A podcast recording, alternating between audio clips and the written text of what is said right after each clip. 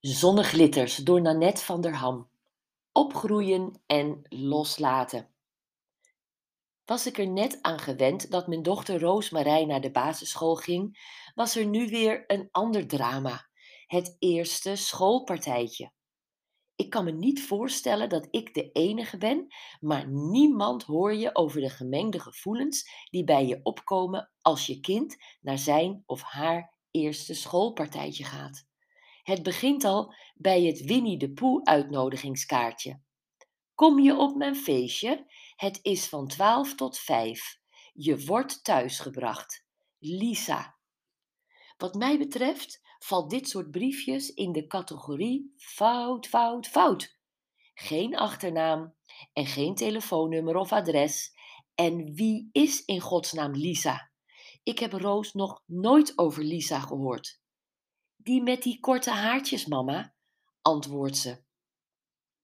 Ik ga de volgende ochtend bij de klasdeur staan posten. Is dat Lisa? fluister ik. Nee, mam, roept Roos, dat is Johnny. Als ik de moeder van Lisa te pakken heb, stel ik me netjes voor.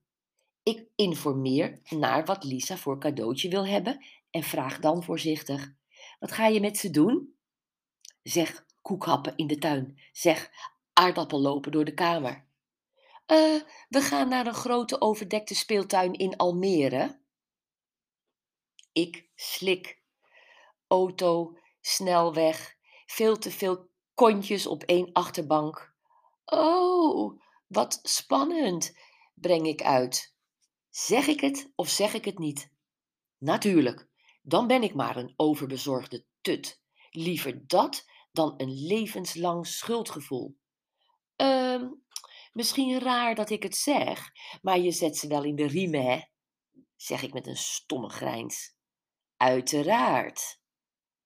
Ja, want ze is eens met iemand meegeweest die zomaar zeven kinderen los in de auto meenam. Lieg ik. De middag van het partijtje moet ik naar school om mijn zoon op te halen. Verdekt opgesteld sta ik te kijken hoe Roos haar schooltje uitkomt. Ze kijkt rond ze zoekt mij. En ik sta er niet. Hulpeloos loopt ze tussen de vaders en de moeders. Dat kan ik niet aanzien. Je moet met Lisa mee, Roos, roep ik van achter de bosjes. Ik wijs naar de moeder van Lisa die niet op staat te letten. Blij komt Roos op me afrennen. Weet ik, maar ik wil je een kus geven en Eén voor papa en één voor Rick. Ze kust me vaarwel. Dit is een heel eng voorteken, schiet het door me heen.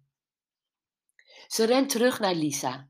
De moeder is al met het groepje kinderen naar de parkeerplaats aan het lopen. Als ze nou niet op Roos wacht, dan neem ik haar ter plekke mee naar huis, denk ik. Helaas, ze ziet Roos aankomen en pakt haar bij de hand. Met tranen in mijn ogen zie ik ze het schoolplein afwandelen. Trauma-helikopter, politietelefoontje, zelfpijniging. Mijn keel zit dicht. Veel later dan vijf uur staat Roos met verwarde haren en een gelukzalige glimlach weer op de stoep. Het was heel leuk, zegt ze vanuit het diepst van haar hart. Ach, mijn oude buurman zei het jaren geleden al. Kinderen het is een angstig bezit.